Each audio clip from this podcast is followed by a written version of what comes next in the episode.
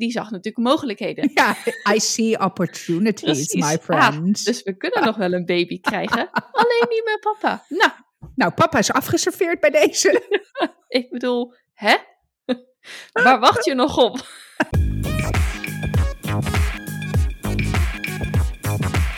Hey, welkom. Leuk dat je weer luistert. Dit is aflevering 102 van Dit is 30. Eh hi Gaia, hi. Hallo. Hallo. Eh, we zitten er weer klaar voor voor een leuke aflevering. En ik wil in ieder geval even aftrappen met een oproep aan jou, lieve luisteraar. Niet aan Gaia, maar aan jou, lieve luisteraar.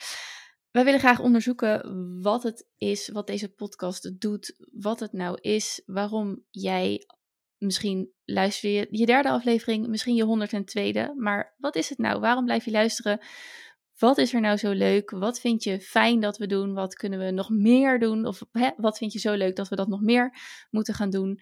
Ehm, op de een of andere manier heb ik, ben ik een soort gestoken door een, eh, weer een of andere bij sinds de honderdste aflevering. Dat het een soort van, ehm, ja, doorontwikkeld. Ik weet het niet, maar ik blijf toch daarover gefascineerd.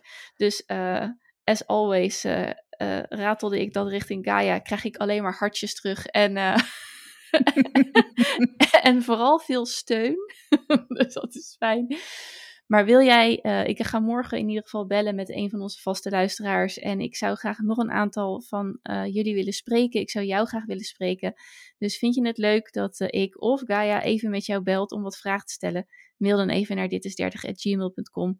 Um, als je dit over drie weken luistert, mag je ook nog gewoon mailen. Als je dit over drie jaar luistert, mail gewoon, we zien het wel. Maar in ieder geval, um, stuur even een berichtje als we, als we jou mogen bevragen daarover. Dat zou super, super leuk zijn. En uh, we kijken er naar uit om je te spreken. Ja. Oké. Okay. We duiken er even in dan maar. In de aflevering. Ja. Het is paasfeest in de wereld. Ja, geweest tegen de tijd dat dit airt. Ja. Maar uh, klopt. Ja, ja. We, we, nemen op op tweede paasdag. Zeker, ja. Wat en... heb jij met Pasen? En ik, volgens mij heb ik dat al een keer eerder gevraagd. Hey, je hebt natuurlijk, je komt uit Hazerswoude. Ik kom uit Hazerswoude, dorp. Ja, dorp, dorp. oh ja, sorry, sorry, Hazerswoude dorp. Ja. Dat, dat heeft toch wel een enigszins christelijke uh, achtergrond. Verschizzle. Ja. Ik, um, nou, ik, ik kom inderdaad uit een hervormd nest. Uh, uh, dat is. Uh, in Hazerswoude sowieso in het dorp heb je diverse geloven. We hebben hier tussen nog een dorpje zitten wat echt wat strenger gelovig is, Benthuizen. Oh, ja. Maar uh, Hazerswoude dorp is wat meer divers, zeg maar, als je het zo wil noemen. Um, en wat minder, er zit een minder grote, streng gelovige groep. Dus het is wat, okay. uh, ja, dat. Maar ik ben uh, Nederlands hervormd. Be ben je dat? Was ik? Ben ik? Je bent zo opgevoed? ben zo, zo opgevoed, ja. ja. En dat is een redelijk, ja, dat is een, dat is, dat is een beetje uh, zonder alle poespas. Uh, vooral heel uh, dankbaar en ja, godvrezend wil ik niet per se zeggen. Ik ben niet grootgebracht met het idee van dat ik bang moet zijn, zeg maar, om iets Nee, niet hemel en hel. En, nee, ja. ja. nou wel hemel hel, maar meer in de zin van jij gaat sowieso de mist in. En zolang je daar vergeving om vraagt, dan is Jezus voor je gestorven, zeg maar. Ja. Dat. Dus uh, dat, uh, het is uh, wel redelijk simpel. Niet met alle vlieren lantijntjes van het katholieke geloof, waar nee, jij ja. ongetwijfeld... Zeker, ik ben als ware Italiaanse, zeer Rooms-katholiek. Alle, alle sacramenten heb ik doorlopen. Alles. Ja, ja, dat, ja. Nou ja, dat, dat is allemaal niet... Het is allemaal heel eenvoudig en simpel. En, um, maar niet het meeste strenge of, of, hoe zeg je dat, het ouderwetse. Dus die oude statenvertalingen en zo, dat, was wel gewoon een beetje de mo modernige ja. bijbelvariant. Dus dat is op zich prima uh, vol te houden. Um, ja, dus zo ben ik opgevoed. Dus wat paas voor mij betekent is vooral inderdaad die, ja, die, die, toch wel dat zware verhaal. Hè, van, ja. dat, dat is een beetje de apotheose van het leven van Jezus natuurlijk. Ja, uh, kind of, ja. Sort of. En ik uh, vind het dus ook, als het dan gaat over iets als de Passion, waar zoveel mensen zo ontzettend, volgens mij hebben we het hier inderdaad al eens eerder over gehad, zo enthousiast over zijn. Ik vind het moeilijk, nog steeds. Ik trek me sowieso niet echt om daarnaar te kijken, maar ik vind het moeilijk om vanuit mijn hele ja, eenvoudig is niet het goede woord, maar heel, een beetje dat ingetogen, Sobere? sobere, ingetogen geloof. Want omdat, ja, toeters en bellen, daar gaat het allemaal niet om. Het gaat om je geloof en je relatie met God. Om dan naar zoiets te kijken, dat zit er nog echt wel heel diep in. En ja, dus dat, ik kan dat nog niet loszien, zeg maar, van de artistieke waarde. Uh, ja, dus zo zit ik, er, zit ik erin. Dus het, was een beetje dat zware verhaal, die apotheose. En dan op een gegeven moment natuurlijk dat lichte, dat blije, dat fijne, dat die is, uh, dat die is opgestaan. Ik moet ook altijd denken, en mijn moeder luistert en ze weet het. Um, mijn moeder vertelde altijd dat haar vader, dus mijn opa, die zei altijd op eerste paasdag, dan kwam die beneden of weet ik het wat. Maar dat was dus zijn eerste uh, zin. de Heer is waarlijk opgestaan en hij is aan Simon verschenen. Dat, zo, ik, dat was. Dus op de een of andere manier dat blijft toch in mijn hoofd zitten. Als ik dan met Pasen wakker word, denk ik, opa. ja, het is, het, is wel, het is wel wonderlijk hoor, hoe dat dan werkt. En verder, um, we hebben dit jaar voor het eerst echt een beetje, weet je wel, dat, dat, dat je de paaseitjes gaat verstoppen en zoeken en zo. En dat vinden die kinderen fantastisch.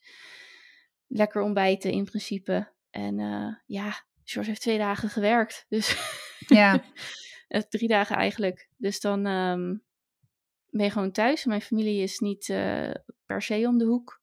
Dus ik heb ook geen uh, brunches bij de ene, brunches bij de andere of zo. Dus ik was veel thuis met de jongens. En gelukkig was het, uh, of gelukkig, ja, het was zon, zon, zon overgoten. Ja, het leek wel zomer. Ja, joh. Dus het zwembad staat hier alweer.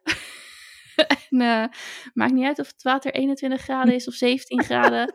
Ze gaan er gewoon in. Het is, het is nou, het zijn Wim Hof, Wim in, Hof de, ja. in de dop. Ja, echt waar. gelijk aan Wim Hof denken. Echt waar. Het is, Ja. het is, het is echt... Ik heb ze regelmatig geprezen om hun uh, dappere... Maar uh, George zegt ook, is goed voor de vaat. Ja, nee, dat is zeker waar. Ja, dan moet je Dus, eigenlijk wissel, wisselbaden, hè? Dus dan je er, moet je er even een... eh, Een warme naast zetten. nou ja, dus dat. Ja, uh, monoloog van vijf minuten.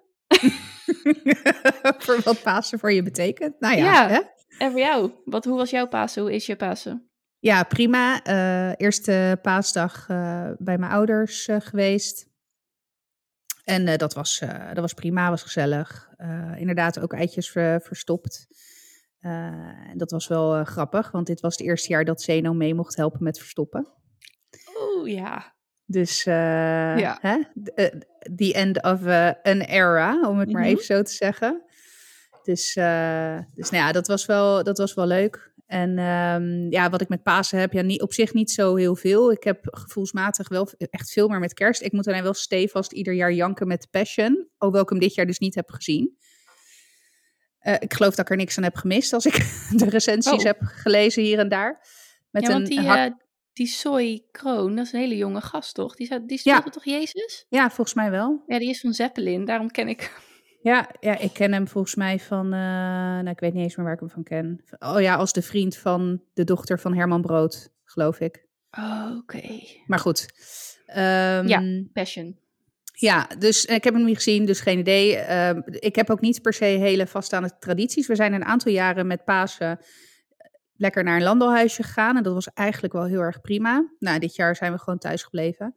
Ja, en vandaag eh, had ik een heerlijke zonovergoten dag met zwembad in jouw tuin kunnen hebben. Waren het niet dat ik jouw appje pas vanavond om half acht eh, las. Dus eh, uiteindelijk heb ik een heerlijke zonovergoten dag in mijn eigen tuin doorgebracht. Waterbaan neergezet. Een beetje wat eh, eh, kruidenplantjes verpot. Weet je wel, dat soort eh, bezigheden. Frank die heeft nog de schuur ontdaan van muizenkeutels. Nice. Ja, dus, eh, dus en opgeruimd, waardoor we ineens weer, nou, ik denk vier vierkante meter vrije ruimte hebben in de schuur. We hebben niet zo'n hele grote schuur, dus dat is echt best wel flink. Ehm, dus ja, nee, weet je, prima. Lekker, eh, lekker dagje gehad wel, of lekkere dagen gehad. Het is altijd wel lekker zo'n extra vrije dag, zeg maar. Zeker als je in loondienst bent, want dan Ja. is het ook gewoon een betaalde vrije dag. Dus eh, ja, nee, prima. Is Goede Vrijdag eigenlijk een vrije dag? Niet meer. Niet, Nee. niet, hè? Nee, die Ja, wel voor scholen. niet, eh, ja. Moet, mag je vrijnemen. Eh, Het is, ja, het ligt er, maar- volgens mij ligt het een beetje aan. Volgens mij is overheid en semi-overheid wel, of in ieder geval overheid misschien wel, of... Nou, ja. zo, ja, laat ik het even vanuit mijn commerciële kant kijken, zeker niet. Geen vrijdag. Nee, Nee. nee, geen, eh, geen vrije dag, nee. Nee. Nee, en eh, Koningsdag valt dit jaar op een woensdag. En woensdag is mijn parttime dag, dus dat vind ik dan altijd zo... Nee, weet je wel? Oh ja. Dat je denkt, ik, had, oh, eh, ja ik, had, ik had de tijd op donderdag mijn vrije dag. ja, dat is dan altijd hemelvaartpech. Dat soort dingen. Ja, maar goed, Ja. toen dacht ik al. hm, nou ja, I'll take one for the team. Oh ja, nee, ik vind het ook niet erg hoor. En het is wel, het is wel fijn in die zin dat Frank die werkt natuurlijk wel op woensdag. Dus die is dan wel vrij. Dus dan heb je wel als gezin echt een, een extra vrije dag. Ja. Dus dit is altijd, paas is voor mij ook altijd wel zeg maar de start van het eh, seizoen van de vrije dagen, zeg maar van de feestdagen. Dus inderdaad Oh, ja. hemelvaart, Pinksteren, eh, Koningsdag, Bevrijdingsdag. Dat is dan wel eens in de vijf jaar dat het een officiële vrije dag is. Maar dus dat is voor mij, ik zei ook van de week tegen Frank, dit vind ik echt altijd misschien wel het fijnste seizoen van het jaar. Die lente, weet je wel, dat alles ontploft en Ja. nou ja, letterlijk de bloemetjes en de bijtjes die overal. ehm, Ja, maar ik snap ook wel wat je bedoelt met die, met, die, met die vrije dagen, met die extra lange weekendjes, met die Ja. leuke. Want dingen als Koningsdag, Bevrijdingsdag zijn ook vaak dagen dat er veel gebeurt buiten. Ja. Dat je met elkaar samenkomt. En dat hebben we Ja. met corona natuurlijk twee jaar eh, niet gehad. Eh, en, maar ik weet wel dat ik dat soort dingen vond ik altijd heel gezellig. Het was echt wel hier in Zoetermeer is natuurlijk veel bevrijdingsfestival. Best groot. Ik was echt wel een fervent. En dan heb je het over mij, hè? Ik ben helemaal Ja. niet zo'n outgoing Nee. type. Maar ik ging, eh, ik ging eigenlijk altijd wel. En ik genoot daar ook echt wel van. ja, ja, ik ook. Totdat ik kinderen kreeg, toen ben ik niet meer gegaan. Ja, ja, ja, ja, ja, ja, één, ja, zelf, same. Maar ehm, ja, dus dat is leuk. Dat is leuk. Ja, cool. Ehm, over een andere godsdienstige periode gesproken. Eh, het is natuurlijk ook Ramadan. Ja, En ehm, ik zie in, ineens, ja, misschien heb ik onder een steen gezeten, maar ik zie op mijn Instagram vrij, nou, een aantal mensen meedoen. Zeg maar, die zijn niet eh, moslim, die geloven niet, ja, hoe zeg je dat? Die zijn niet, die hebben, hè, hoe zeg je dat? zijn niet moslim, gewoon, Zijn niet punt. moslim, maar is dat Ja. hetzelfde als islamitisch? Ik ging ineens, eh waarom zijn dat dan twee Eh, verschillende woorden? Dat Nou, weet ik eigenlijk niet. Nou, durf ik Anyway. nu echt, echt niet te zeggen, voordat Nee. ik nu in een heel groot... eh, nee, Nou ja, ze ik volgen in ieder geval niet de, de islam, daar, dat, daar Ja. geloven ze niet in, zeg maar, maar ze doen wel mee met de ramadan. En dat vind ik, vond ik al intrigerend eigenlijk. Ik denk, oh, überhaupt soort van, mag dat? Weet je wel? Ja, En nou ja, waarom niet? Weet je wel? Dus, dus, dus nou ja, dat. En wat ik interessant vind, is dat het dan ook gaat om zelfreflectie. En ja, eh, het hele, wat mij heel erg, wat bij mij heel erg resoneerde, was het kwaad spreken en kwaad denken. Ik heb namelijk niet het idee dat ik heel veel kwaad denk, maar ik, dat zijn altijd van die blinde vlekken. Dat op het moment dat je erop gaat letten, Ja. dat je ineens merkt, oh shit, ik heb echt best wel of meer nare gedachten dan ik dacht. En dat is niet bepaald een vibe die ik graag wil hebben. Ehm, ik wil positief denken, fijn over andere mensen. En het, het, het, het brengt je namelijk nergens als je negatief denkt over iets of iemand. Of over een situatie of over jezelf of wat dan ook. Dus die, eh, die blijft een beetje hangen bij mij eigenlijk. Dat ik denk, oh ja, dat zou nog wel eens iets voor me kunnen doen. Ehm, dus ik, had, ik vond het interessant, vind het leuk om te volgen. Tegelijkertijd heb ik, ben ik best wel met, nou, dat zei ik vorige keer natuurlijk ook, dat ik bij de GMR was geweest en de MR en het wel dingetjes gaande. Dus dat blijft wel een beetje in top of mind bij mij. Ben ik best wel bezig met die scholen. Nou, super wit school. En voel ik een bepaalde mm, verantwoordelijkheid om daar me over uit te spreken. Eh, ik durf het nog niet. Ik wil het nog niet, of ik durf het nog niet. Ik weet niet precies wat dan het juiste werkwoord is. Maar ik heb het hier thuis ook al, ik heb met George tegen George ook al gezegd. Op het moment dat ik een voorbeeld stel door mij te verdiepen in zo'n ongelooflijk belangrijke periode van een grote groep mensen die ook met mij in deze samenleving leeft, eh, misschien meedoe of een deel meedoe, of daar in ieder geval wat laat. Weet je, voorleven is natuurlijk het allerbelangrijkste. Daar leren je kinderen het meeste van. Dus ik kan net zo hard gaan roepen in de MR dat ik een diverse school wil, maar mijn voorbeeld is het, telt het allerzwaarste.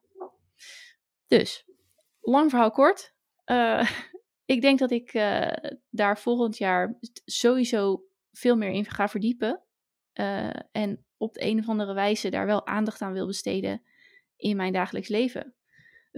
Weet je wel, meedoen, deels meedoen, een week meedoen, daarover vertellen. Uh, misschien dat ik in die periode belangrijke stukken uit de Koran. Ik ga nu Mhm. zo twijfelen over alles. Ga, wil, wil, wil leren kennen of zo, weet je wel. Maar gewoon om mezelf ook voorbeeld te stellen van je, je begrijpt je medemensen het beste als je natuurlijk je wat. hè, Het is In elkaar verdiept. in ja. elkaar verdiept. Dus ja, dat. Interessant. Zeker. Doe, doe je mee?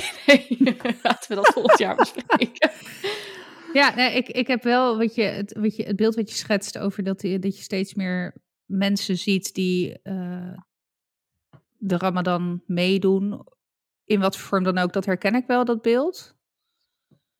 Mensen die dus niet moslim zijn of die inderdaad het, eh, dat geloof niet aanhangen. Ehm, ik, wat, ik, kijk, ik, voor mij is het eh, tricky. Ik zou daar dan eigenlijk met, met moslims over in gesprek willen gaan over wat dat met hen doet. Want het voelt ook een beetje als ik het vanuit het hele, bijvoorbeeld Black Lives Matters perspectief bekijk. Als je het hebt over cultural appropriation en over, weet je wel, share the mic of dat soort dingen. Dan denk ik, ja, is het dan wel aan ons, even in ieder geval niet moslims, om daar dan aan mee te doen en daar dan ook rukbaarheid aan te geven? Ik weet het niet, hè? Ja, de rugbaarheid aan geven is natuurlijk een tweede. Ja, Maar ehm, bedankt voor het pointen van deze blinde vlek weer bij mij. Want waarom zou ik inderdaad niet advies vragen of een gesprek aangaan? Advies vragen is weer zo van het gaat over mij. Maar een gesprek aangaan met eh, iemand die inderdaad het geloof wel aanhangt. En die Ja. daar vanuit die reden aan meedoet. En om te vragen van hoe. Wat is dan oké? Of wat is dan goed? Of wat is dan fijn? Of is dit de bedoeling? Van wat ik zie, denk ik wel. Maar ja, mooie. Ja, ik zie verder ook geen negatieve reacties erop hoor. Maar dat is wel de vraag die ik mij heb leren stellen. En eigenlijk hè, in retrospect, en dat is even een sidestep, maar hoe wij bijvoorbeeld een paar weken geleden hebben gepraat over de hele Will Smith, Chris Rock gate. Mhm, mhm. Eh, ik dacht een paar dagen of een week ongeveer daarna dacht ik, shit, zitten we dan twee cis-witte vrouwen te, een gebeurtenis te becommentaliseren die ons eigenlijk helemaal niet aangaat?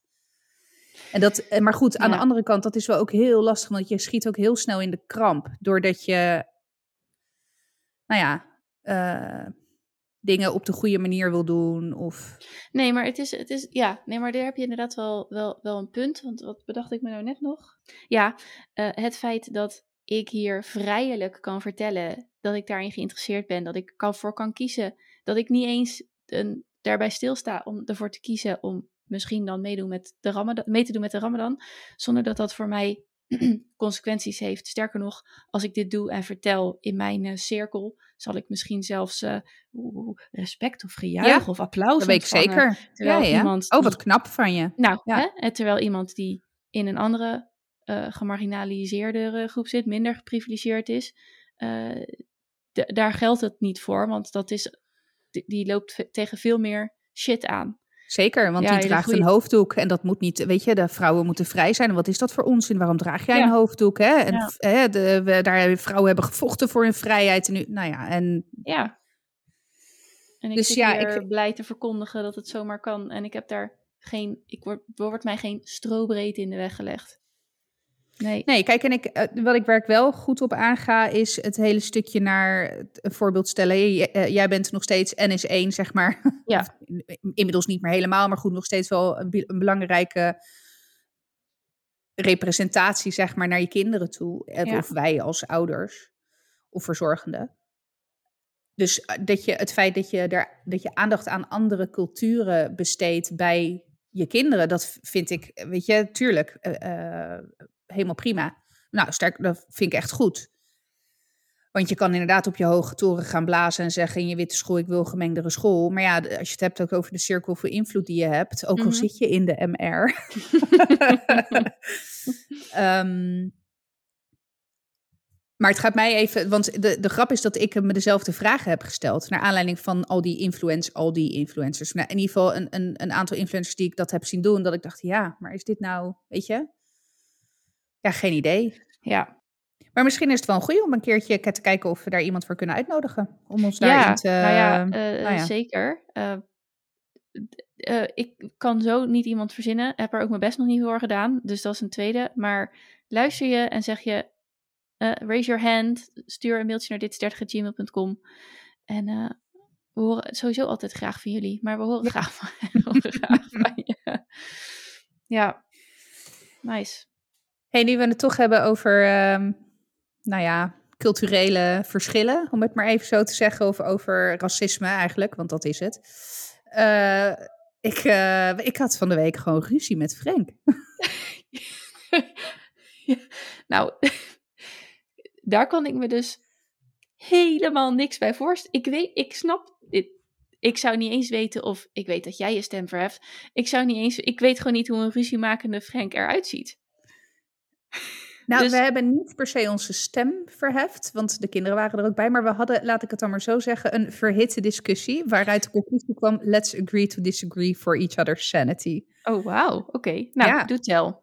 Nou, eh, nou ik wil even nadenken. Ik kwam naar beneden, geloof ik. En eh, Frank die begon over... Oké, even sidestep. Frank is een enorme Marvel-fan. Weet ook echt vrijwel alle ins en outs van Marvel. Ik heb hem ooit voor zijn verjaardag de Marvel-encyclopedie gegeven. Best gift ever. Even dat, hè. Hij is nu bijvoorbeeld alle Marvel-films in de correcte volgorde aan het kijken. Hè, zodat, nou ja, whatever. Hij is een enorme Marvel-fan. Nerd dus. Nee hoor, schatje, ik hou van je. Maar, eh, maar ik kwam dus beneden na. En er is de mm, tweede Black Panther film, Wakanda Forever, is aangekondigd. En de eerste Black Panther film was natuurlijk echt iconisch voor de zwarte gemeenschap. Iconisch. Echt. Nou, en terwijl ik het zeg, heb zelfs ik kippenvel weer over mijn armen. En Frank die viel over het feit, er was blijkbaar een soort van fanposter geüpload. Of er was in ieder geval een, nou ja, ergens een poster gepubliceerd eh, met een witte acteur eh, op de poster, zeg maar. Luke Evans. Als de villain Namor, denk ik. Nou, weet ik dus even niet meer. Ik ben ook wel Marvel-fan, maar een stuk minder. Eh, maar goed, dat was dus een, een witte man op die poster. En daar was onder was er heel veel commentaar op geweest. Op het feit dat, het dus, dat ze hadden gekozen voor een witte man op de poster. Even sidestep. Er is nog helemaal geen officiële poster ge, uitgebracht, zeg maar. Kwam ik daarna achter. Maar goed, er werd dus gebrand eh, onder, de, onder die poster. En Frank die was daar een soort van verbolgen over. Over van, ja, weet je. En dan over het feit dat er eh, hele heftige kritiek was op die witte man die op die poster stond als villain. Want hij is dan de villain van, eh, van de film. En ik schoot daar meteen volledig op aan. Ik zeg, ja, tuurlijk zijn mensen daar pissig over. Want als je het hebt over één fucking iconische film voor de zwarte gemeenschap, waar gewoon de zwarte man, vrouw, die, whatever, persoon centraal hoort te staan. En je, en je zet dan een witte man op een filmuiting. Tuurlijk, als zwart. per- Ik zou ook woedend zijn. Dan denk je, ja, sorry hoor, excuse my French, maar godverdomme. Dat kan gewoon niet, zeg maar. Dus ik, ik ging daar heel erg op aan tegen Frank. Van joh, en je moet het begrijpen vanuit hun perspectief. Want weet je, kan je je voorstellen dat, dat je eindelijk na 100 jaar eh, eh, representatie ziet in een superheldenfilm. In een, hè, en dat was echt, echt iconisch voor die zwarte gemeenschap. En dan ga je nu dat teniet doen door op een tweede aankondigingsfilm een witte man centraal te stellen. Hoe mindfucking is dat dan? Nou ja, en hij gaf als verweer van joh, maar eh, dat doet Marvel altijd, dat hij de superschurk als eerste naar buiten brengt. En er zijn ook altijd heel veel filmposters. Dus hij, hij gaf aan, joh, ik snap het wel, maar het is te kort door de bocht, weet je. Dus, en toen zei ik ook, ik zeg, ja, maar je bent nu gewoon aan het gaslighten, want ze mogen wel commentaar hebben, maar wel correct commentaar. Dus wel commentaar wat beargumenteerd is. En, nou ja, goed, dat ging echt wel stevig eraan toe. En ja, hij bleef een beetje bij zijn standpunt. Ja, en ik ging echt met een gestrekt been op mijn standpunt van nee, ik begrijp het volkomen en good for them. En ik hoop dat er, nou ja, hè, dat dit nog wel een staartje gaat krijgen. Nou, achteraf bleek dus, want ik heb het daarna ook nog geprobeerd te googlen.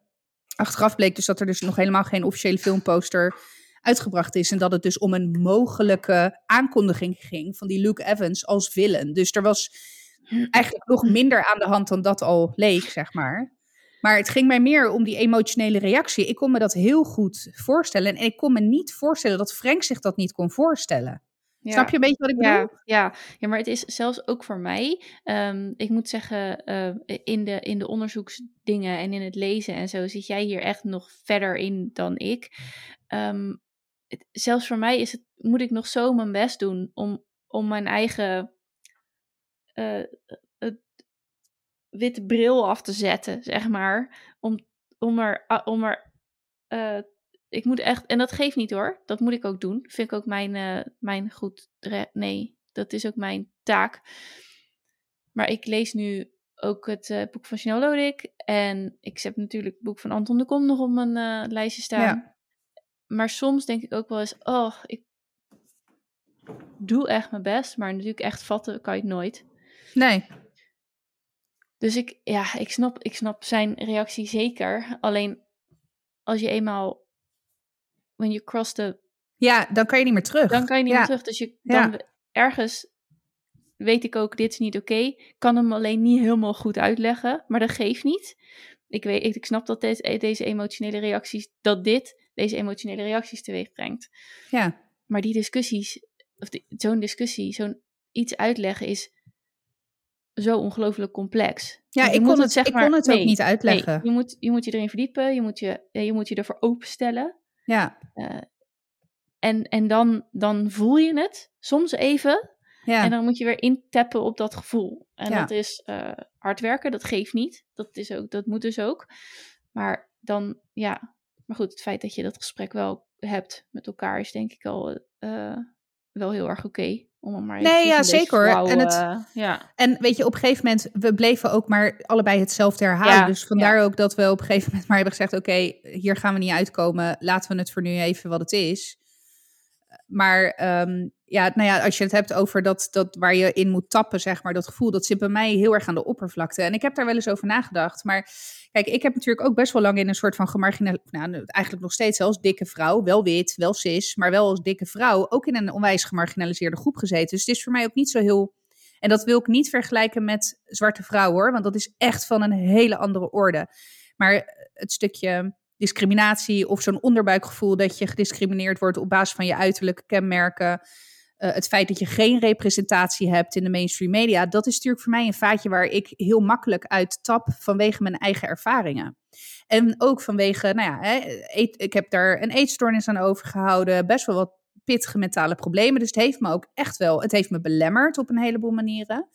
Dus misschien dat dat ook wel de reden is waarom ik dan nou ja, makkelijker of zo die link leg met de emoties die gepaard gaan met, met zoiets. Dat is hetzelfde als dat je een, een, nou niet hetzelfde, want dan ga ik het ook weer met elkaar vergelijken, maar dat je een, een bloedslanke vrouw, weet ik veel, Weight Watchers ziet aanprijzen of zo. Dat ik echt denk, ja, weet je, uh, tief top. Of, of uh, een, een uh, Weight Watchers trouwens niet het goede voorbeeld. Maar ik bedoel, een, een, een slanke vrouw of een normale vrouw met 42 dan als plus-size model neerzetten. Dat is het een beetje. Dat ik denk, ja, hè? 42 man, daar droom ik van. Ja. Dat, dus als je het hebt over representatie en, nou ja, um, ik denk dat dat de reden is waarom ik, waarom ik het, het, het land bij mij ook meteen. En dat is ook waarom ik zo door, door die rabbit hole inga, omdat ik, nou ja. Herkenning heb.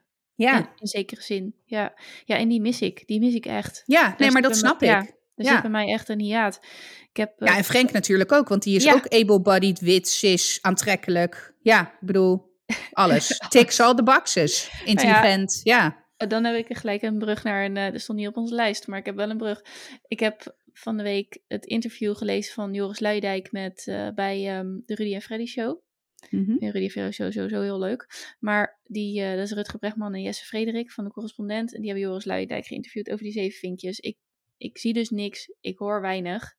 Joris Luijendijk en zijn zeven vinkjes wist Ja. ik van. Ik wist niet waar het over ging, omdat ik me gewoon dacht, ah, ik wil me daar gewoon niet in verdiepen. Maar Ja. nu heb ik dus een half uurtje geluisterd. Ik weet het allemaal, dus dat is fijn. Ehm, als je het dan hebt over die vinkjes. En daar, daar werd ik ook wel heel erg door... Ja, ook wel ik deels door wakker geschud. Dat hij zei van er zijn een aantal omstandigheden waar ik niks aan heb hoeven doen. Mijn lichaam en mijn nest. Die mij gewoon, hop, gewoon allemaal deuren open gingen. En Ja. alles, het feit dat ehm, hij zei één ding wat ik wel, eh, nou dat raakte me wel. Dat hij dan vertelde over mensen die bijvoorbeeld de eerste in hun familie die dan gingen studeren. En die zich op zo'n manier ontwikkelden dat ze ook een soort afscheid moesten nemen van een deel van hun relatie met hun ouders of hun siblings of hun omgeving. De Ja. liefde is er nog steeds. Maar omdat je anders wordt, je anders, anders gaat denken, met andere mensen omgaat, geef je gewoon een deel van die relatie op, of een deel van dat gevoel, of een deel van dat ontzettende wederzijdse begrip. Mhm. Eh, omdat je je ontwikkelt. En hij zegt dat als hij vertelt dan dat als hij dat dan wel eens in een, eh, een eh, als spreker zegt, dat hij echt een deel van. Hij zegt: ik kijk natuurlijk naar de mensen. Ja. Dat je, je ziet gewoon bij wie dit meteen raakt. Ja. Ja. Dus, ehm, en dat, daar hebben anderen geen last van. Die, eh, hij zegt, ik ging juist, toen ik mijn diploma ophaalde, ging ik juist dichter naar mijn ouders toe. Terwijl een ander die zijn diploma ophel, ophaalde, steeds verder weg is komen te staan en kwam te staan van zijn ouders. Ja. Dus dat, dat soort dingen allemaal. Denk van, oh jeetje, dat zijn zulke, ja, weer blinde vlekken die je dan hebt, omdat je het niet, niet weet. Maar dat is wel wat er gebeurt. En ik heb een vinkje op eh, slank, inderdaad. Sowieso able en cis en whatever, eh, wit natuurlijk. Maar, ehm, dus ja, als je dit zo zegt, denk ik, bedenk ik meteen, ja, daar zit bij mij inderdaad echt een hiaat. Ik ben nog nooit, wat ik ook doe, nog nooit heeft iemand daar iets van twijfel opgelegd. Of als we het wel eens over de huisarts gehad, hè? Dat als je Ja, naar de huisarts gaat, dat welke, met welke klacht je ook komt. Ja, jij wordt serieuzer genomen dan ik. Nou ja, bij mij wordt er in ieder geval niet naar mijn BMI gekeken. Nee, BMI, Ja, ja. ja BMI. Ja, ja. Ja, of, of, of mijn omvang, of er wordt niks gemeten, of weet ik het wat. Ja. Omdat, terwijl mijn klacht daar helemaal niks mee te maken hoeft te hebben. Als ik met een menstruele klacht ga, wordt er echt niet naar mijn, weet ik het, body mass, eh, vetverbranding, whatever gekeken. Dus ja, ja, ik kan me daar zeker iets bij voorstellen. Dat dat bij jou gewoon dichter aan die oppervlakte zit. ja. ja. Nou ja, maar dat is ook pas een, re- een realisatie van kort geleden hoor. Dat ik, dat ik denk, waarom resoneert dit zo? Want ik ben niet Ja. zwart. Nee. Ik ben, niet, ik ben geen vrouw van kleur. Hoe kan het dan dat, ik, dat dat me zo ook emotioneel raakt? Maar nou ja, ik denk dat dat het is. Anders zou ik het niet weten. Nee. Ehm, Dus ja, ruzie Ja. met Frank. Dat was unieke, Ja. maar het gebeurt. Het gebeurt. Ja. Zal ik een brug eh, naar de volgende maken? Ga jij Ik lekker, ga jij lekker bruggen bouwen? Bruggen bouwen. Nou, de volgende brug gaat, eh, gaat over een meisje-jongen verhaal. Ik had een wonderlijke gewaarwording. Eh Louis is tegenwoordig helemaal... Die weet het helemaal. Wie een meisje is. Wie een jongen is. En dan kom ik er nog achteraan met... Je hebt ook personen. Weet je wel? Ja. goed, dat is een beetje zo work in progress. Dat komt er wel. En nou ja, het was ook zo. Hij moest bijvoorbeeld, eh we waren bij zwemles, Mason zwemmen, Louis moest plassen. Nou, hij had een hele verhandeling over jongens wc, meisjes wc. Mama mag hier niet, papa wel, Louis wel, Mason wel, mama niet, mama daar. Hij, hij kon het helemaal uitleggen. Het was, eh, nou ja, een oratie van je welste. Maar het vertelt zich dus ook in andere zaken. Dus hij, eh, ze kijken hier Power Rangers, heb ik natuurlijk Oh al ja. over verteld. En ineens ging het me opvallen dat als hij met mij Power Rangers wil spelen, dan moet ik altijd de roze ranger zijn. Hmm. En nou ja, eerst ga- gaf ik daar geen, weet ik veel. Ik doe ook, ja, eerlijk is eerlijk. Ik ben, niet- ik ben niet zo'n hele goede spelende moeder. Ik kan met ze spelletjes doen, kaarten, kleuren. Maar echt spel. eh, Nee, ik ook niet. Ik heb daar vaak de energie en de ruimte niet voor. De En hij creativiteit. geniet er zo van. Ja, goed. Het is oké, fijn. Nou, ik was een Power Ranger en ik deed mee. Ineens denk ik, ik zeg, en toen zei ik ineens, denk, ik ga het even proberen. Ik zeg, ik wil de groene zijn. Groen is trouwens ook een meisje, maar dat terzijde. Nee, nee, jij bent een meisje. Jij bent de roze ranger. Ah. Wauw. Wauw, oké. Dus toen heb ik gezegd, ja, maar ik wil, maar ik zeg, een meisje mag ook een jongen zijn. Een jongen mag ook een meisje zijn. Nou ja, daar was hij vrij gauw, want ja, hij is nog steeds een kind zonder enige vorm van uh, oordeel, soort of. Dus uh, oké, okay. dus welke wil je dan zijn? Ik zeg, nou, ik wil de zwarte ranger zijn. Oké, okay, dan ben ik de blauwe, nou, en zo voort en zo aan. Dus dat was, maar hetzelfde gebeurde met, um, hij had het over Paw Patrol. En ik was Sky. Ja, want die is roze. Hè? Want dat die is, is roze. Een... En dat ja. is een, nou ja, dat weet ik niet, maar dat is Volgens, ja, een teefje, denk ik. Ja, een meisje. het, het, Ja. oogt, het, het- blijkbaar, het heeft in ieder geval de indruk op mijn kleuter dat Sky een meisje is. Ja. En dus toen, eh, nou ja, toen heb ik hetzelfde gedaan. Zo van, eh, ik wil, eh, weet ik veel, pff, Robble zijn of zo. Nou ja, dat was ook eventjes dat hij daar dan eventjes over na moest denken. Maar goed, toen zei ik weer, weet je, je blijft natuurlijk gewoon herhalen van... Ja, maar een meisje mag ook een jongen zijn, een jongen mag ook een meisje zijn. Dus oké, nou toen was het allemaal prima.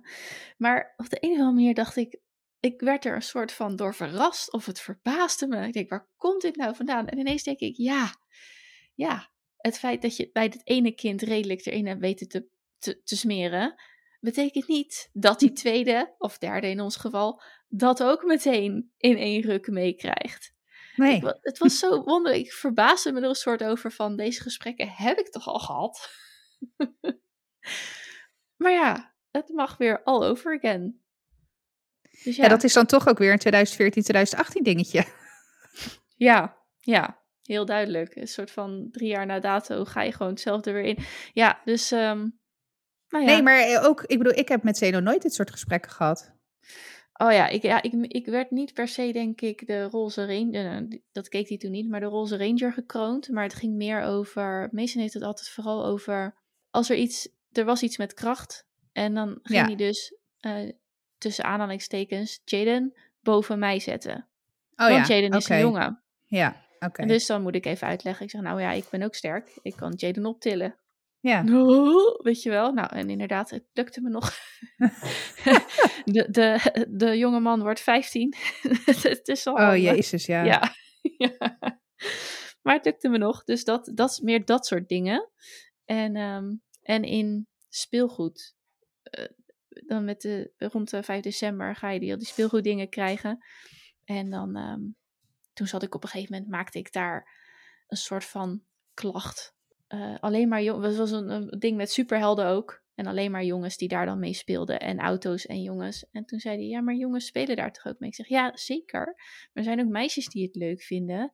En als ze alleen maar jongens laten zien, dan denken die meisjes misschien dat ze het niet kunnen vragen aan Sinterklaas. Weet je wel, ik heb hem een beetje zo gespind. Ja. Dus daar heb ik meer die, die gesprekken over. Ja. Ja, bij Zeno is er nooit aanleiding toe geweest eigenlijk. Nu pas eigenlijk. Dat hij zich eh, heel erg, eh, of tenminste heel erg, dat hij zich steeds meer bewust wordt van, nou ja, gender, maar ook wat dan hoort. Hè? Dus gendernormatief gedrag of gendernormatief speelgoed, kleding enzovoort. Dus dat is nu eh, pas eigenlijk bij hem dat hij, nou ja, noem het maar even wat minder fluïde is. Nou, niet trouwens al wel een jaartje hoor. Ja, maar ja.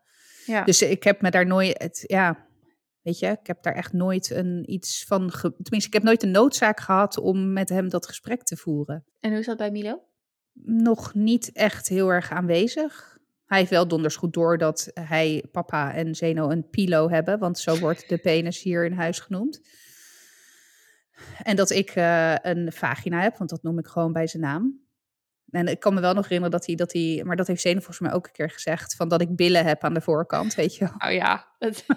De voorbips.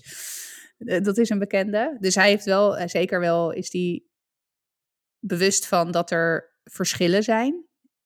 In ieder geval in uiterlijke geslachtskenmerken. Nou ja, dat lijkt me vrij, evident. vrij obvious, ja. Maar ja, kijk, hij heeft wel, als ik kijk naar het speelgoed waar hij de voorkeur voor heeft, dat past wel meer in het gendernormatieve jongensvakje, zeg maar, dan, dan, eh, dan niet, zeg maar. Weet je, hij speelt wel. Hij heeft heel lang dat hij auto's fantastisch vond. Dat is nu wat weggeëpt.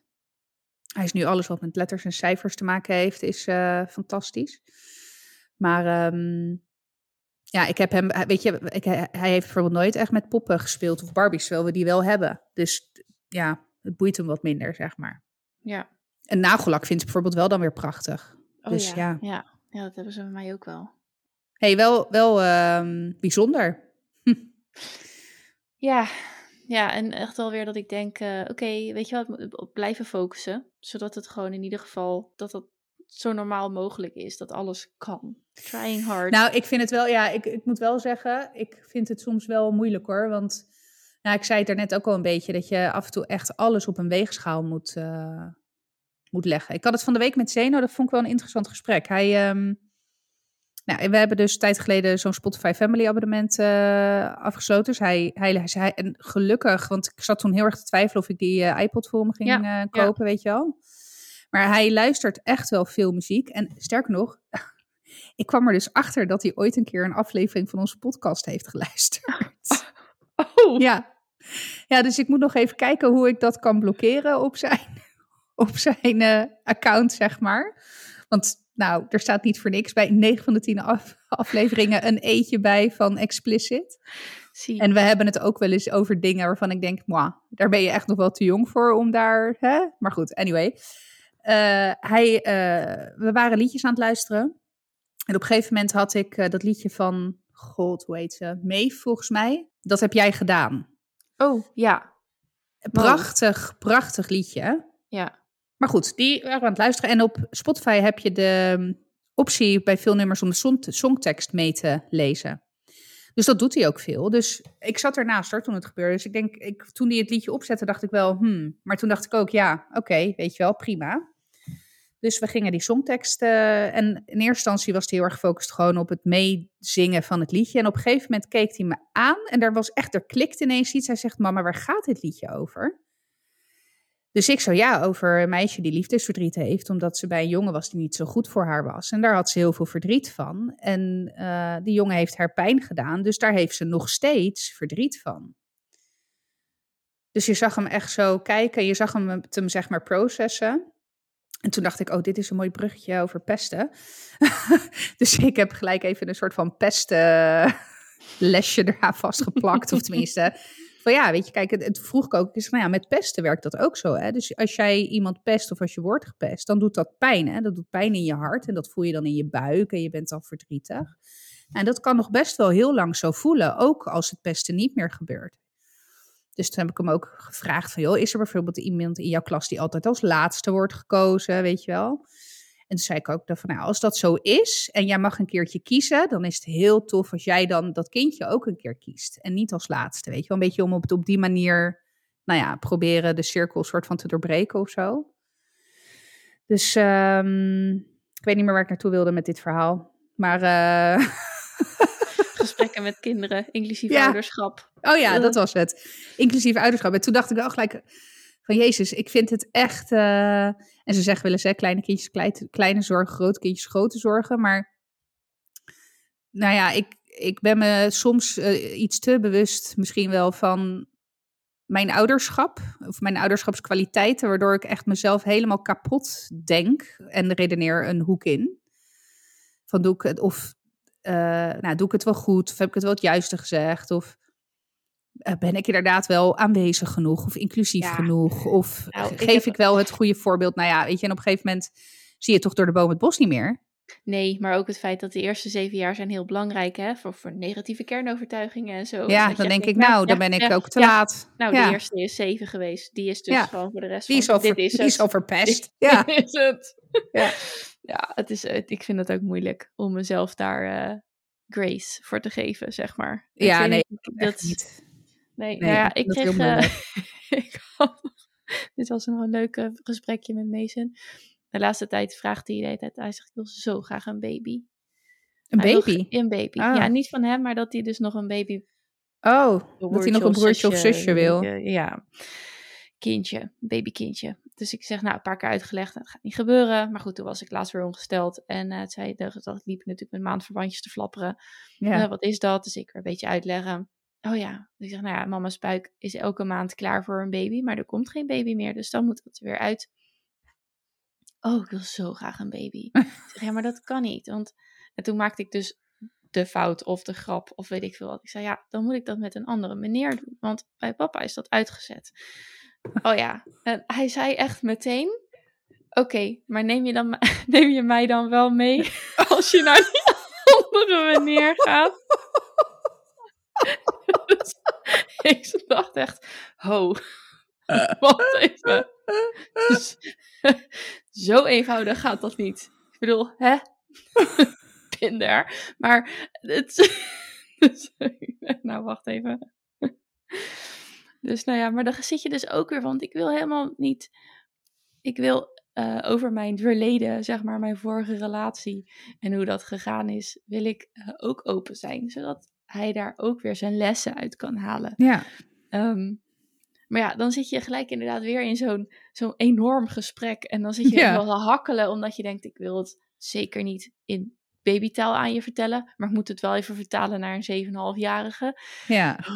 Die me echt met grote ogen zit aan te kijken van... hé, hey, maar dit, die, die zag natuurlijk mogelijkheden. Ja, I see opportunities, my friend. dus we kunnen nog wel een baby krijgen. alleen niet met papa. Nou. Nou, papa is afgeserveerd bij deze. ik bedoel, hè? Waar wacht je nog op? Tik-tak, mam. Tik-tak, tik-tak. Zo so, ja, yeah, dat was ook een leuke, een leuke. Zal ik nog even een bommetje droppen? Aangezien jij in de MR zit en ik heb de illustere illusie dat jij hier misschien nog invloed op kunt uitoefenen. Oh, Oké, okay. vertel. Heb jij gehoord van de week in het nieuws dat de overheid aan het overwegen is om de zomervakantie één week in te korten en de kerstvakantie een week te verlengen? nee. Wel, mm, ik, wil, ik wil drie keer vragen waarom, maar ik wil het eigenlijk niet eens. Vragen. Nou, waarom? Uh, om wat, beter wat? bestand te zijn tegen een toekomstige coronagolf? Uh, ja. Nou, mijn bek viel echt open. Ja. Ik, ik was echt, echt not amused. Ik denk, jezus. Ik bedoel, echt, ik ben geen coronawappie, echt niet. Maar ik ben wel echt helemaal klaar met het panische gedoe rondom corona. Zeker nu het... Ja, centered. Alles ja.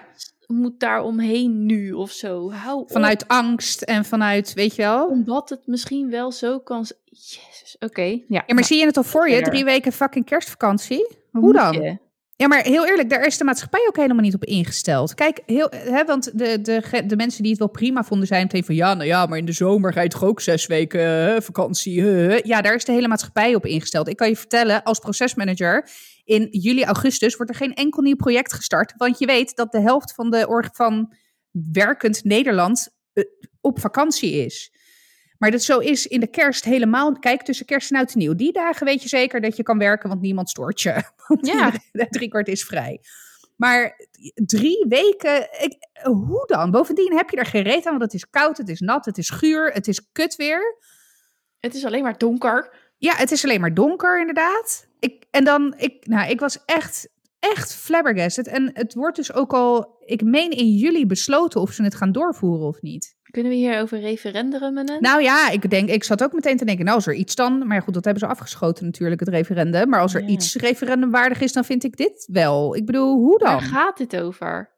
Ja, en dan dus om dan, nou ja, nogmaals, om in de winter dan beter bestand te zijn tegen corona. Wat ik overigens ook een compleet idiote beeldvorming vind. Want dan ligt dus heel corona, en dan chargeer ik wel even hoor, ligt dus blijkbaar aan schoolgaande kinderen. ja, maar ja, ja, is het echt, is het letterlijk de reden? Is het ja, ja, ja. Nee, kap is. Ja. Wij vinden hier wat van. Nou, ik ben echt, uh, ik ben echt pislink. En dus ik, ik ga ook echt oprecht kijken of er iets is wat er, of er een burgerinitiatief is of, of iets ja. is. Ja, want ik, ik, uh, ik vind het ook zo'n, dat is het ook. Hè. De beargumentatie is voor mij ook gewoon zo lek als een mandje. Gewoon super dun, ja. Ja. Dus nou ja, goed. Kijk, die zomervakantie een week korter, ja, dat, het zal. Aan de andere kant, dat behelst trouwens ook nog wel het een en het ander. Hè? Want nu is het al lastig om roosters rond te krijgen voor werknemers met schoolgaande kinderen, omdat er maar zes weken schoolvakantie is en de norm is om drie weken vrij te zijn mm -hmm. in de zomer. Dus het is al iedere keer schuiven en nou ja, moeilijk oh, gedoe om de roosters je, rond te krijgen. De, omdat je drie aan één gesloten weken moet nou, nee, niet moet. Nee, nee, nee. Nee, het moet niet. Maar heel veel mensen doen het wel, drie ja, weken ja. vrij. Uh, en je moet ook, uh, in heel veel cao's is ook geregeld dat tot drie of tot en met drie weken uh, mag een werkgever niet zomaar weigeren. Dus op het moment dat jij alles na drie weken, dat, dat mag een werkgever in goed overleg weigeren. Maar tot en met drie weken vakantie mag een werkgever niet zomaar weigeren als jij een vakantieaanvraag doet. Dus, dus het is al passen en meten met zes weken schoolvakantie. Laat staan als dat vijf weken wordt. Ja, omdat je dan gaat overlappen, bedoel je? Ja. Ja. Dus dan heb je weken dat er echt niemand is. Nu kan je nog mm -hmm. afwisselen met je duo of met je weet ik veel wat. Je... Nou ja, en, en je hebt kans dat mensen dus ook zich niet meer nou ja, vrij voelen om die drie weken vakantie op te nemen. Ik kan je vertellen, ik heb het jarenlang gedaan, maar twee weken zomervakantie uh, opnemen. Ik heb twee jaar geleden heb ik resoluut gekozen voor minimaal drie weken vakantie. En vaak plak ik er nog één dag ervoor en één dag daarna zeg maar mm -hmm, aan vast. Ja. Dus en ik, doe, ik wil nooit meer wat anders. Want de eerste week is altijd, nou ja, zit je nog half met je kop uh, in uh, alle losse eindjes die je hebt achtergelaten. De tweede week dan begin je een soort van, nou ja, hè, wat minder op je telefoon te kijken en te ontspannen. En de derde week kom ik echt bij. Ja. Dus nou ja, ik ben echt, ik, ik ben echt uh, met stomheid geslagen. Ja, nou ja, ik was dus ook met stomheid geslagen. Maar ik zal je het artikel even doorappen en ik zal ja, het maar, in de nieuwsbrief is, opnemen. Maar dit is ja. korte, korte termijn denken, puur zang inderdaad. En zo gebokst van het moet, die scholen, die scholen, die scholen, daar ligt het allemaal ja. aan. Ik, ik ben echt benieuwd. Als er nog iets gezegd wordt over druk op het onderwijs of weet ik wat, en, ge, en gegrond, hè? Dan mm -hmm. denk ik, kijk, nou, ga, dat is misschien iets waar we het over hè, waar we het over kunnen hebben. Maar omdat er misschien een coronagolf aankomt, punt. Ja, die vind ik ook echt, uh, echt slecht. Echt slecht. Ja, dus. Ja. Tot zover het bommetje van deze aflevering. Bedankt. Nou, de tweede Bedankt. bom eigenlijk. Mijn eerste bom was natuurlijk ruzie met Frank. Ja, dat is echt. Uh, maar deze, ik moet eerlijk zeggen dat ik over deze iets, iets uh, kwaaier ben. Dat uh, kan ik me zomaar voorstellen. ja. Even een korte update. Um, want het moet toch inderdaad nog over de vulva gaan. Ik heb inmiddels maandverband gevonden van Sanatuur zonder vleugels. Oh. Dus voor mij geen geknip meer met de nagelschaar. Halleluja. Ik heb ze op, uh, op uh, Bol gevonden. Um, ik moest wel gelijk zes doosjes tegelijk bestellen. Maar ja, oh ja. Dus ja 37. Chances komen die nog, wel op. Wat, precies. Dat ik nog wel wat maanden ongesteld zal blijven. Dus ja. it's fine. Ik heb voor 20 euro aan maandverband besteld. Dat komt mijn kant op. Zonder vleugels. Ik hoop wel dat het goed is, want anders zit ik met zes dozen. Dus bij deze even de uh, menstruatie-update. Dan, als we dan even terug naar de scholen. Jouw ja. jongste gaat bijna naar school. Ja, uh, nog, uh, het is vandaag 18 april, ja. dus nog minder dan een maand. Want Zeker. zij wordt 15 mei wordt hij 4 en 16 mei is zijn eerste officiële schooldag. Ja. ja. Ben je daar net zo kapot nou, van als dat ik dat ben? Nee, ik denk niet. Ik ben er niet kapot van. Ik, uh, ook omdat hij er echt mega, mega, mega, mega, mega aan toe is. dus ik. Helder. Ik, ja, daar kan daar echt geen twijfel over mogelijk. Uh, dus nee, ik heb wel, we hebben van de week hebben we kennismaking gehad met de juf. Nou, dat was allemaal prima. Hij was heel vrij al in de klas. Hij liep meteen naar de toe, gelijk aaien. En uh, weet je, nou, uh, dus de klik is er, dus dat is heel fijn. Um, en hij gaat de, uh, meteen de week, want de meivakantie zit er natuurlijk nog tussen. Ja. Dus ik had eerst bedacht, nou ja, weet ik veel, twee dagen voor de meivakantie, drie dagen na de meivakantie. Maar de juf zei van, joh, vind je het goed als we gewoon meteen de eerste hele volle week na de meivakantie pakken? Want die maandag daarna gaat hij toch, moet hij ja. toch naar school. Ja, en dan zit hij al in het ritme. En toen dacht ik meteen, nou ja, prima. Kijk, en voor hem is ook de stap van naar school gaan niet zo heel groot, want hij gaat al vier volle dagen naar het kinderdagverblijf. Dus voor hem is alleen de woensdag extra. Dus ik had zoiets van, joh, weet je, prima. En dat betekent dus ook uh, dat, en dan ga ik even mijn kalender erbij pakken. Woensdag 11 mei. Ja. Is dan mijn eerste woensdagochtend vrij van werk en zonder kinderen thuis. Wauw. Paradijs. Oh mijn god. Ik, Wat ga ik, je doen met al die weet, tijd? Ik weet het niet. Ik weet het niet. Ik weet het niet. Lezen. Schilderen. Wandelen in de natuur. Een, een boek ik weet het niet. Poëzie, een boek schrijven. Ja. Produceren.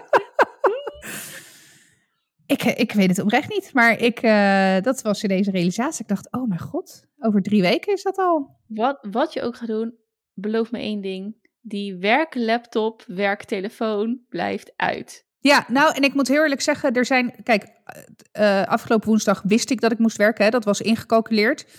Um, ik ben inmiddels echt dat ik vrijwel nooit meer op woensdag en in het weekend mijn laptop aan heb. Nu ook weer. Weet je, we, we, we, nou ja, we nemen op op maandagavond. Ik moest echt uh, een laagje stof van mijn laptop afblazen. bewijs van. Uh, ja, ja. Dus dat gaat echt wel, dat gaat echt wel goed, moet ik eerlijk zeggen. Dus ja, nee, ik was ook, daar was ik ook zeker niet van plan. Ik denk dat ik de eerste keer gewoon heel erg ga uitslapen of zo. Weet je, gewoon lekker in mijn nest. Kijk, ik ben een, ik ben een slaper, hè, een Mhm, ochtend- en mhm. uitslaper. En, eh, of eh, gewoon naar de stad in mijn eentje of zo. Of Ja. gewoon lekker een terrasje pakken als het dit weer is. Wauw. Met jou een date inplannen op Ja, woensdagochtend. want ja, ik ben ondernemer. Ik heb toch geen zak te doen. ja, dat plan je dan maar in. ja, dat is waar. Ja. Nee, dit is ook eigenlijk een soort zakelijk overleg. Precies, dan kunnen wij onze PR-strategie gaan bepalen op de woensdagochtend. Ja, de doorontwikkeling van Dit is 30. Precies. Oh, dat allitereert zo lekker. Ah, ja, Ja. Dus, dus ja, nee, ik, ben heel, eh, ik ben heel benieuwd. Ik zeg, ik zeg nu heel stoer dat ik, eh, dat het, hè, dat ik helemaal niet een, een eh, brok ellende ben. Maar ik weet zeker dat ik die maandag tranen met tuiten, joh. Ja, joh. Joh, en weet je, maandag en dinsdag gaat hij naar school, is hij kapot. Woensdag is hij gewoon thuis, want ja. Ja, bedankt. Hè? Bedankt. Hou Voor deze, er rekening mee. Maar toch, a new era is about to begin. Ja. En weet je hoeveel geld me dit gaat schelen, jongen? Nou, niet precies, maar het is Nou, eh, echt, een bedrag echt. met vier cijfers. Echt? Nee, ja, echt. Maar oprecht. ja. Het is Ja. echt bizar. Ik moet, wat ga ik met dat geld doen op woensdagochtend, jongens? Ik ga Oh. crypto beleggen, denk ik, op woensdagochtend. rentenieren ga je gewoon. Ja. Ja, op woensdagochtend. Woensdagochtend is je crypto-ochtend. is mijn crypto-ochtend, ja. Ja. Dan kun je ons tips geven. Ja. En daarmee maak ik de mooie brug naar onze tiprubriek. Oh ja, de tiprubriek. De tiprubriek. Ja, in, als allereerst even een tip aan jou als luisteraar om ons in de apps waar je luistert, Apple en Spotify hebben dat sowieso, om ons even vijf sterren te geven en een review. In Spotify kan dat nog niet, dacht ik. In Apple wel. Dus als je luistert en dat nog niet gedaan hebt, doe het alsjeblieft. Je helpt ons erbij eh, dat je ook even meehelpt aan de doorontwikkeling van Dit is 30. En wij vinden het ook hartstikke leuk. Je kunt ook in de review achterlaten wat je nou zo tof vindt, zodat we ook weten wat we nog meer kunnen doen. Waar we nog meer van kunnen doen. Dus dat even als eerste tip. Maar ehm, even de tiprubriek. We hebben vaak boeken, kijktips, leestips, luistertips, whatever tips. Dus die gaan we even bundelen. Gaia, heb jij nog een tip deze Zeker. week? Ik heb deze week Dirty Lines uitgekeken op Netflix. Dat is een Echt? serie. Een heerlijke Nederlandstalige serie. Oh. En eh, dat gaat over ehm, de jaren, eind jaren tachtig eh, en de opkomst van betaalde sekslijnen. Oh my god, ik ben echt geen seriekijker, maar ik ben meteen ge- gefascineerd. Ja, en het gaat over. Het is ook gebaseerd op een waar gebeurd verhaal. Het is gebaseerd op het verhaal van eh, Harold en George uh, Skene. Zij waren eind jaren tachtig. Nou, even een kleine sidestep. eh, PTT, want dat was toen. Die hadden eind jaren tachtig, stelden zij commerciële lijnen beschikbaar. Die ze verhuurden voor commerciële partijen. Nou, die gasten die zagen gat in de markt met sekslijnen. En dat begon echt FC knudden in een garagebox met eh cassettebandjes. En eh, het is echt. En dat wordt dan ingesproken door eh, vrouwen in eerste instantie. en dan konden mensen dus bellen en dan konden ze naar zo'n seksverhaal luisteren. Nou, als je het hebt over audio hè, en over Zo, de, ja, de kracht van ja. audio. Ja. Dus, eh, dus nou ja, en dat, is, het- dat was toen echt big, big, big, big business. Eh, echt miljoen, tientallen, honderden miljoenen eh, gingen er zeg maar in die business om in hele korte tijd. En deze serie, de eerste deel in ieder geval, dus het eerste seizoen van deze serie, concentreert zich dus heel erg op die eerste jaren. Ehm, en er zitten dus ook scènes in van dingen die echt gebeurd zijn. Het is losjes gebaseerd hoor, dus er zijn- ook dingen die niet waar gebeurd zijn. Ehm, maar het is dus eigenlijk het verhaal van jonge ondernemers die ineens gat in de markt hebben gevonden, die van gekheid niet weten wat ze met hun geld aan moeten. En ook echt wel in een beetje die seks, Amsterdamse seksscene zitten. Dus, eh, en uiteindelijk ook heel veel problemen krijgen met de fiscus, eh, eh, met financiën. Want ja, weet je, wat, wat zei die gast nou? omzet is mm, en BTW is vakantiegeld of zo. Dus nou ja, het was één groot, één groot potje, zeg maar, maakten ze ervan. Eh, inclusief aardig feesten, beesten en eh, in de Roxy. Ook de opkomst van de Roxy wordt er bijvoorbeeld ook in, eh, weet je, dat het voorheen, die house scene was eind jaren tachtig nog helemaal niet zo hip. En dan ineens was ineens daar de house, de, de EDM, weet je, die, de, Electronic die- dance music, ja. Juist. En de Roxy is natuurlijk iconisch geweest. ja. Maar ook de Japjum komt naar voren. Dus hè, het high-class bordeel, het high-class bordeel van Amsterdam. Het is echt een heerlijke, heerlijke serie. Wat eh. een fantastisch concept om een Ja. serie over te maken. En het is Ja. ook inderdaad zo Nederlands. En ja, dan ook, ik zie het, oh wat heerlijk. Ja, nou, ik, eh, ik, ben, ik hou helemaal niet van series bingen, maar hier ben ik enthousiast over. ja en, eh, en het is ook goed bingebaar, want het zijn maar zes afleveringen in, de eerste, in het Oh ja, eerste seizoen. Dus dat is ook echt goed te doen. Ja, dus ik ben Heel cool. enthousiast. Ja, en ook tof dat het echt, echt wel geënt is op een waar gebeurd verhaal. eh. ja, ja. Cool.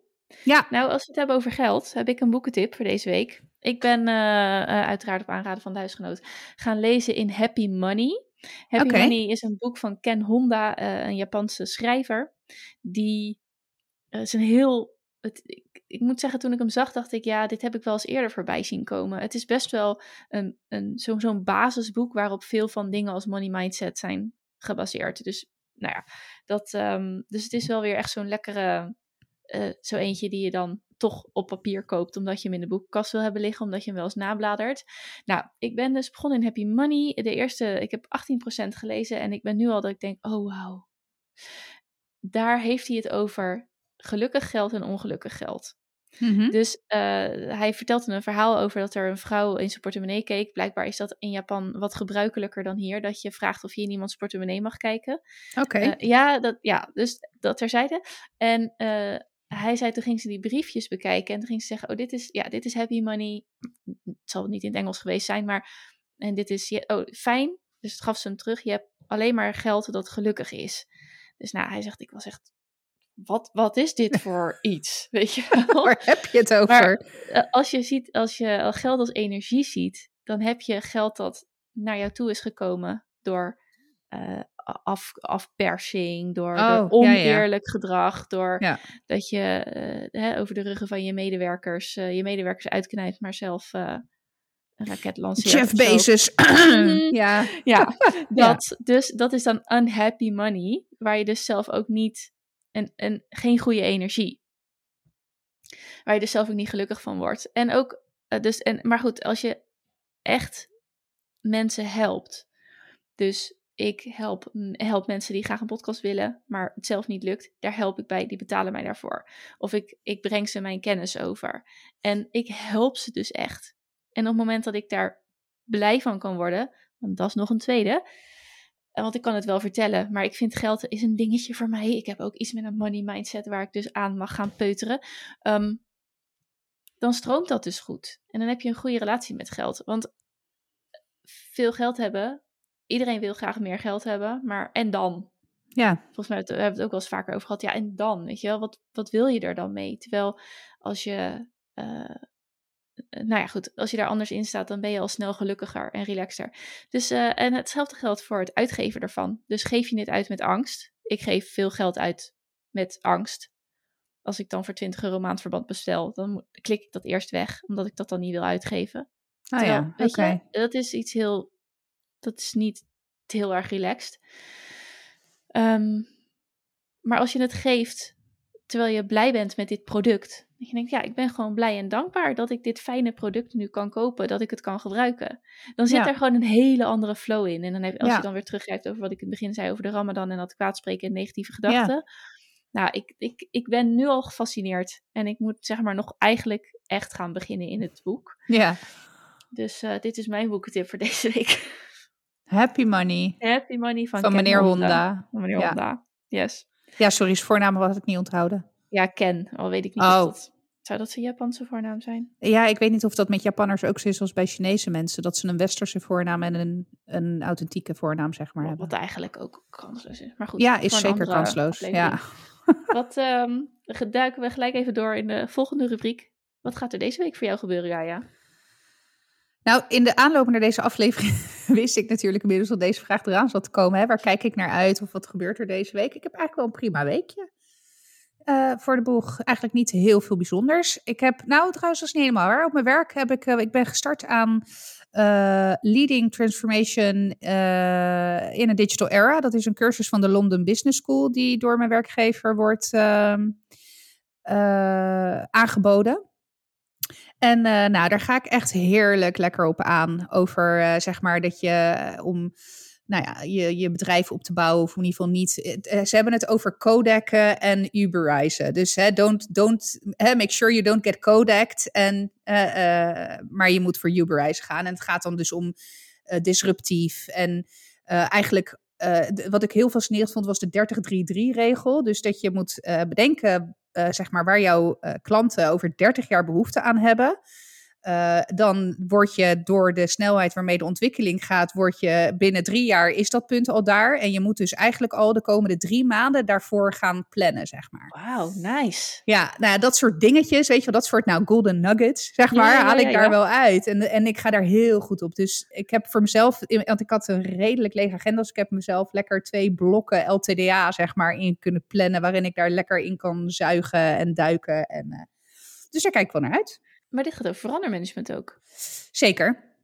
Is het ook een area waar je verder in wil uh, specialiseren? Of gaat het meer om de digital... Nee, nee, nee. Nou, het is combinatie. Dus ik vind, uh, ik vind verandermanagement, verandermanagement vind ik sowieso fascinerend. Ook omdat ik zelf dat lastig vind. Van nature, hè? ik heb natuurlijk van nature heb ik die fixed mindset. Ik, ik ben wel echt, en dat merk ik ook aan hoe ik hierop aanga, uh, dat ik daar echt wel stappen aan het zetten ben richting die growth mindset. Uh, maar ik vind ook, zeg maar, de, de technische kant, dus de technical uh, uh, evolution, de kracht van AI en dat soort dingen vind ik ook heel, heel, heel interessant. Big data, wat je daar allemaal mee kan. Dus kijk, in mijn visie is ook, maar goed, dat moet ik nog even gaan pitchen bij de algemeen directeur. in mijn visie moeten wij ook een tech-first company gaan worden om bestaansrecht te blijven ja. hebben, zeg maar, in de toekomst. Um, en ik, ik vind dat we daar nog te weinig echt, echt goed mee bezig zijn. Dus en ik zat ook alweer te denken over dan, nou ja, uh, eigen bedrijven en hoe ik dat. Maar goed, ik heb echt de ballen verstand van big data. En uh, ik kan echt wel, ik bedoel, ik ben niet voor niks procesmanagers. Het zegt me echt wel wat hoor. Maar echt, echt big data is echt voor mij nog abracadabra en wat je daar allemaal mee kan. Maar de potentie zie ik wel. Dus ja. nou ja, goed. Ik, zoals je merkt, ik ga er echt helemaal ja. op aan. Dus superleuk. Ja. Oh, ik ben echt oprecht blij voor je. Ja. Mega tof. Ja. ja. En jij? Nou, ik heb deze week een aantal leuke afspraken. Sowieso spreek ik dus morgen uh, luisteraar Natasja. Ja, heel leuk. Ik, ik ben hoop, heel benieuwd. Uh, ja, ik hoop uh, deze week nou, misschien nog meer mensen te spreken, maar daar kijk ik heel erg naar uit. Ik heb wat dingen die in gang zijn gezet voor bijvoorbeeld de podcast die ik voor mijn bedrijf heb. dus mensen die ik heb uitgenodigd voor een interview en die ja hebben gezegd. Dus daar ga ik dan leuk. over mailen. Ja, dus dat zijn leuke. Weet je wat, het is, het is weer een soort van nieuwe flow van uh, activiteiten. Ik heb op woensdag heb ik een afspraak um, met een groepje die. Uh, er is hier een uh, in Zoetermeer culturele partij die wil iets met een podcast gaan doen, maar die mist sowieso kennis, sowieso een omgeving, heeft wel het creatieve. dus daar, daar gaan we mee in gesprek van wat kan ik daar dan in dat traject betekenen. Dus dat vind ik echt heel tof. Dus het wordt echt weer iets ja, maatwerk, iets nieuws wat ik mag gaan, uh, gaan opzetten. Ik ga deze week mijn podcast check-up verder uitrollen. En um, uh, dus dat, dat zijn gewoon leuke, toffe dingen. Ik heb mijn laatste workshop van de cursus montagevaardigheden. Leuk. Nou, echt mega de diepte in. We gaan echt mega de diepte in. En uh, mijn mijn docent Daniel zit ook in mijn podcast, zeg maar, deze week. Die gaat ja, over oh, microfoons. Dus dat is, dat is ook iets wat nu eventjes heel intens speelt en wat ik heel erg tof vind. Ja, leren is gewoon fijn. Ja. En vrijdag, uh, vrijdag zit ik uh, op de hot seat op Clubhouse. Ja! ja. Hoe laat? Kwart over tien.